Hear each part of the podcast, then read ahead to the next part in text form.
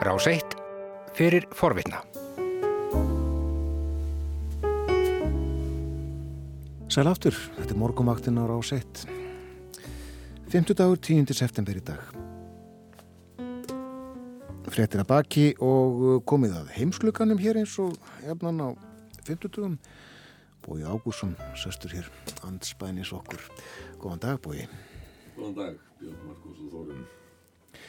Við ætlum að uh, þvæla svolítið um heiminn í dag. Eh, byrja í Íran. Það er náttúrulega margt að frétta í Íran en það sem að ég ætla að ræða sérstaklega um núna er bresk-írunsk kona sem heitir Nazanin Sagari Ratcliffe. Hún var fyrir 5 eða 6 árum handtekinn þegar hún var í heimsókn og heimsækja fóröldar sína. Um, þessu kona hefur unnið fyrir Reuters og fréttastofuna Reuters og hún var uh, sökuð um uh, svona ja, njósnir undiróður og að hvetja til uppreysnar gegn ríkinu. Sjálf segir hún og á í rauninni allir þeir sem hafa skoðað þetta mál að þetta séu bara upplóknar sakir og hún var dæmt í fimm ára fangelsi. Hún hefur setið lengst af í Evian fangelsi sem er allrænt fangelsi næri Teran í vor þegar koronaviru faraldurinn hafði brotist út þá var fólk eiginlega tæmt úr mörgum fangelsum í Íran og hún var já henni var sleft inn að gesalappa því að hún er ennþá formlega í haldi en er í stofufangelsi hjá fóröldur sínum núna og það var eiginlega því komið að hún væri búin að afplána þennan dóm upp á fimm ár þegar hún var bóðuð á fund saksóknara og uh, þar var henni tilkynnt að það byðu nýjar ákærur.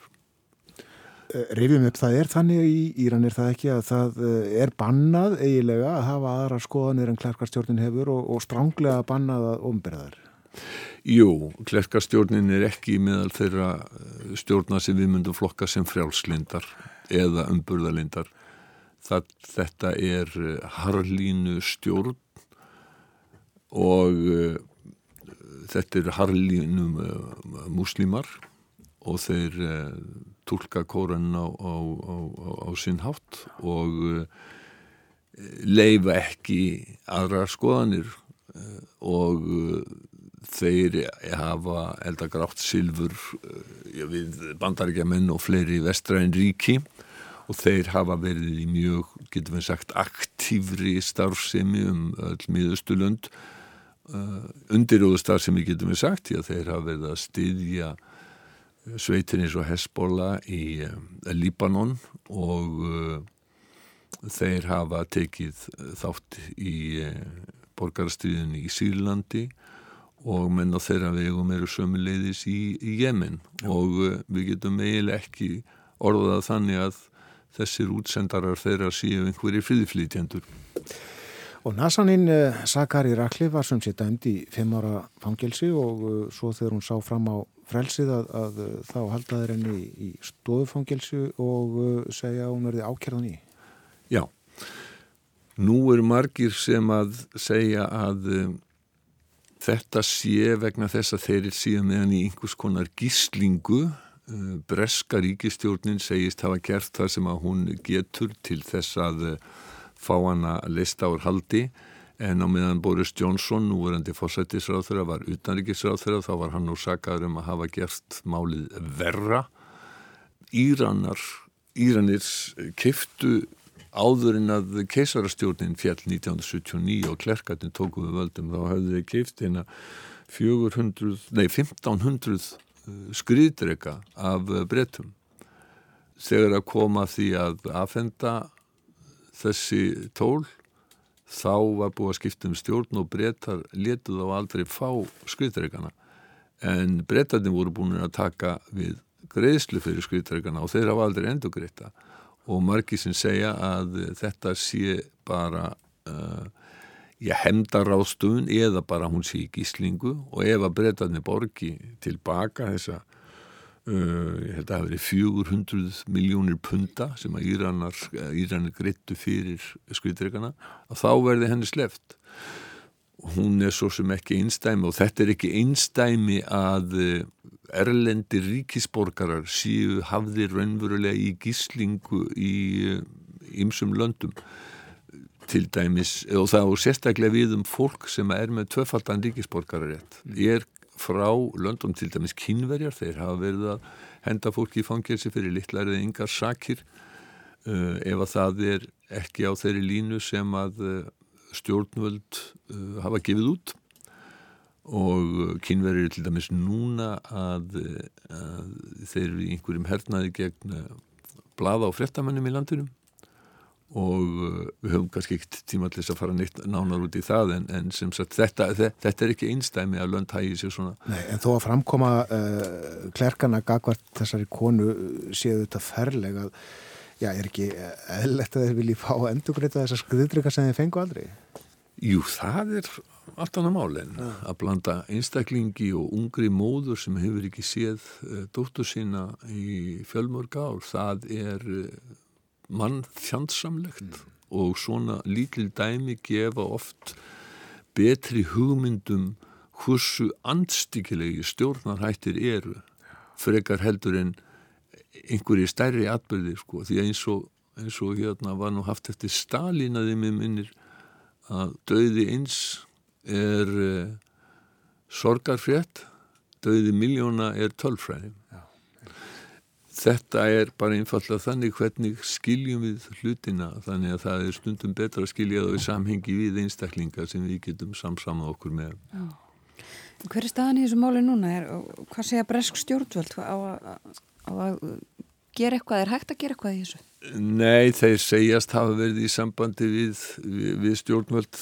Maður, eh, hérna, Sakari Ratcliffe, Richard Ratcliffe, hann hefur verið óþreytandi við að þrýsta á bresk stjórnvöld, það er kannski þess vegna hvað hann hefur verið óþreytandi að þetta máli er uh, umrætt almennt. Já. Kannski er einhver fleiri svona dæmi sem við bara þekkjum ekki. Mm. En við ætlum að tala um uh, bresk stjórnmálamitt. Já, við genum það eftir smástund, en við gerum koma við í Svíþjóð fyrst. Endilega. Það var byrst í um, bandarísku tímariti, Journal of hvað heitir það, Economic uh, Research.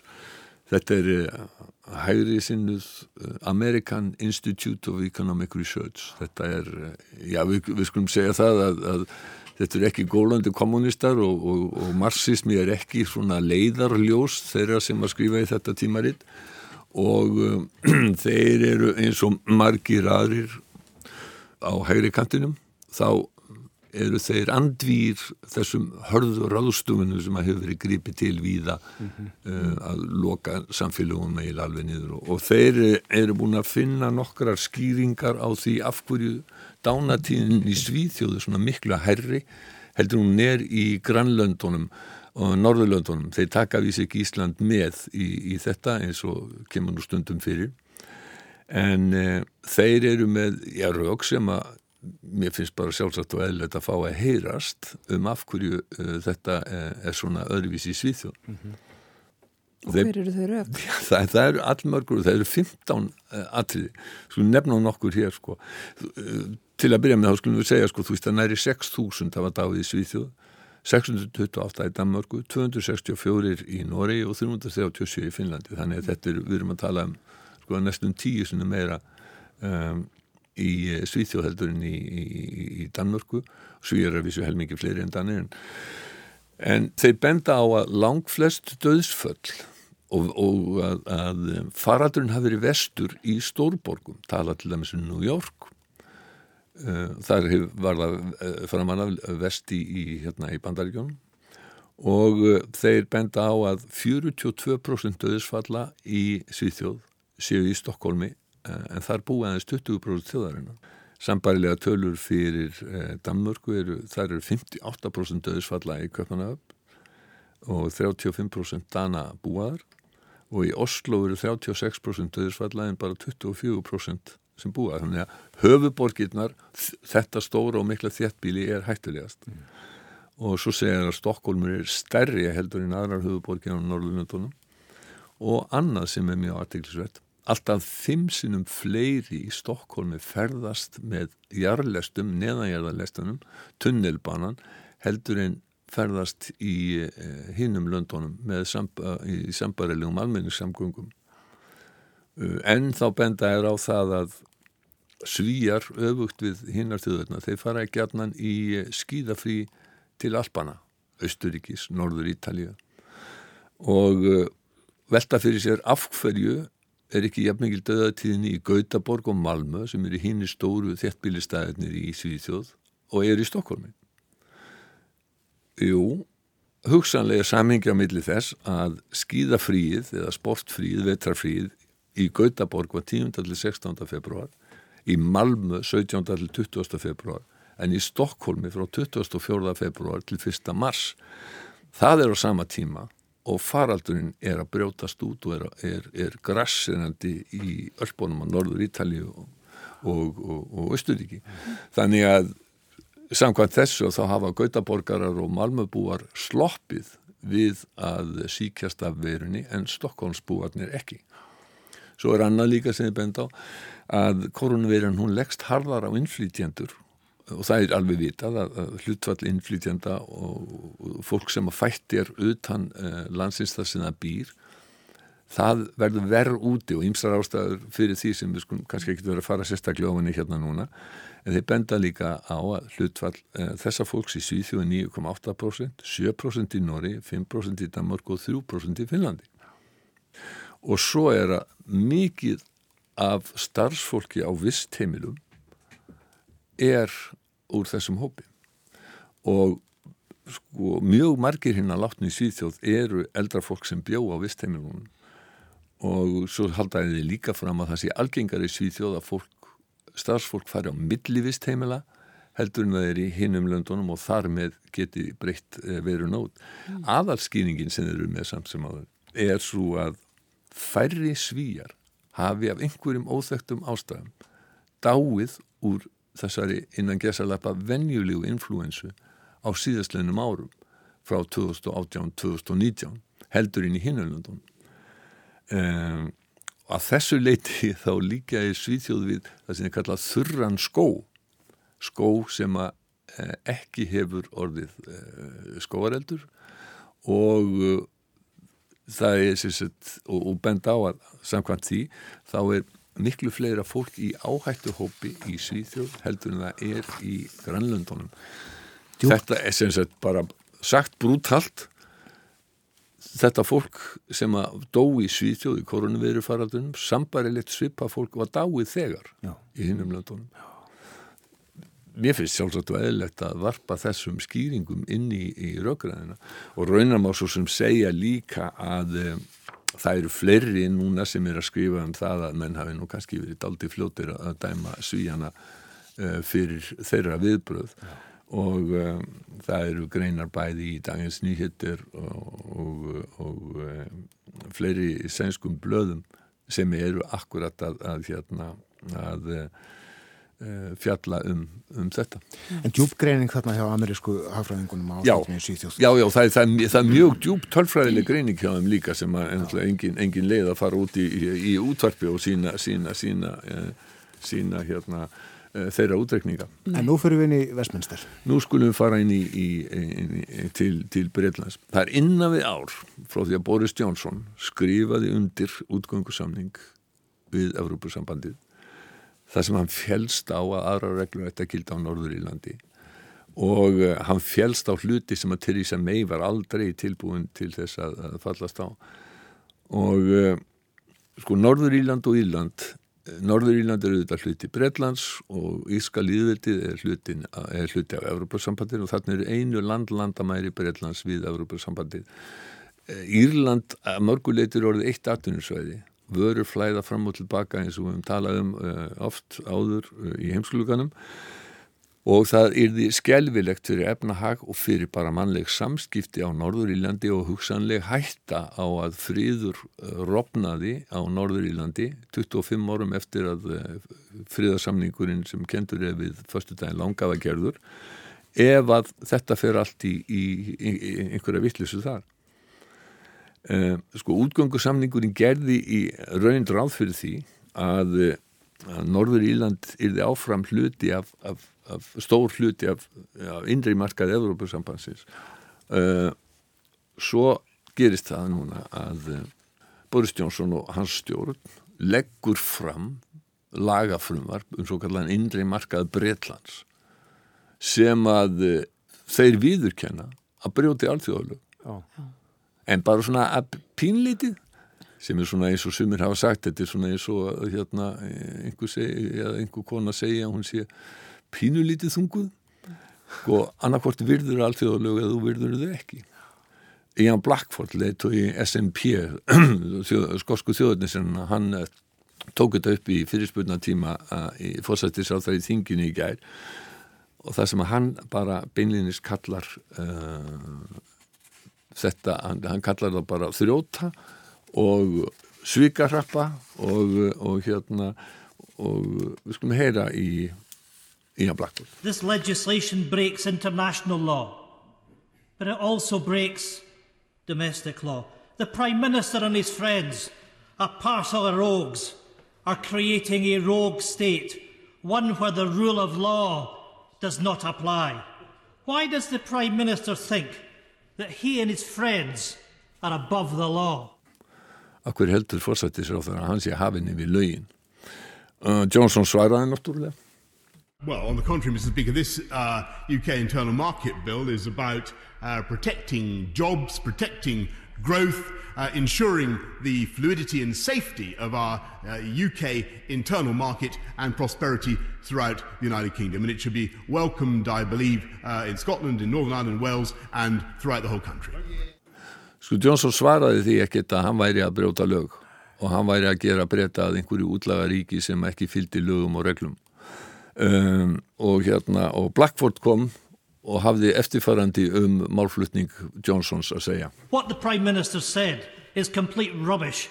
Það gæti eiginlega ekki við skýra. Complete rubbish, algjör þvættingur.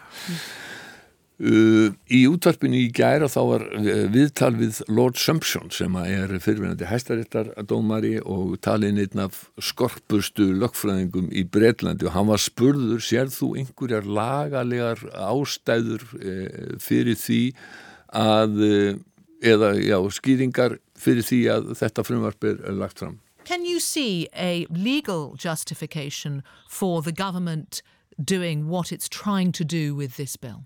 Uh, no. Annað, annað stutt svar, það var bara nei. Hann bætti raun að við að það gætu verið pólitískar ástæði fyrir þessu. There may be a political justification, that's not really for me to say. Um, but uh, there is no way in which this can be consistent with the legal obligations of the government under treaty. Um, and the government has cheerfully admitted that, both in the text of the Act and in the statement which Brandon Lewis made to Parliament yesterday. Já, það geta verið pólitískar ástæði fyrir því, eh, sagði Lord Sumption eh, og eh, Laura Kunsberg sem er pólitískur rittstjóri í BBC, hún var sömulegis í útvarpinu á þessum tíma og fór svona yfir hvað er það likur hér að baki.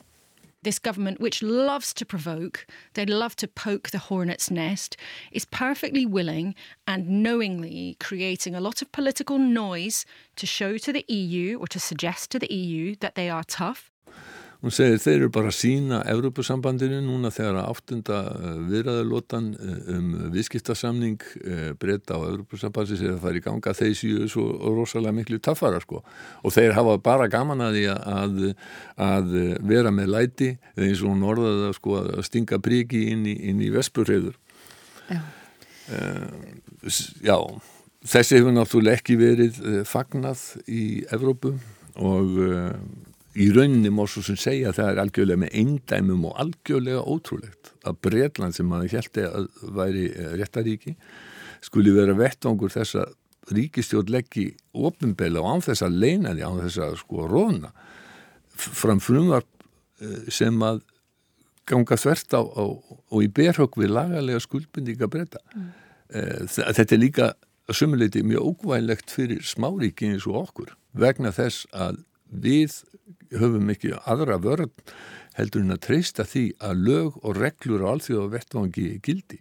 Svo er þetta náttúrulega ótrúlega hræstni vegna þess að breytar eru nýbúinir að skammast út í kynverja fyrir að hafa sett öryggislög í Hong Kong og sagt þau eru brot á, á alþjóðalögu og e, í leiðara í Economist þá er þetta harlega fordæmt og svo er annað sem að gæti líka reynst breytum erfitt að eh, Nancy Pelosi fórseti fulltróðadeildar eh, bandaríkjathings, hún sagði að fulltróðadeildi myndi aldrei samþykja frívæslandarsamning Breitlands og bandaríkjana ef að þeir ætla að brjóta þessi lög og samninga. Ég mitt það. Takk fyrir í dag, Bói Ákusson. Þú varst að hlusta á hlaðvarpsþátt frá Rás 1. Ef þið langar til að heyra meira, farðu þá á rúf.is skástrygg hlaðvarp eða spilaran á rúf.is skástrygg útvarp. Rás 1 fyrir forvitna.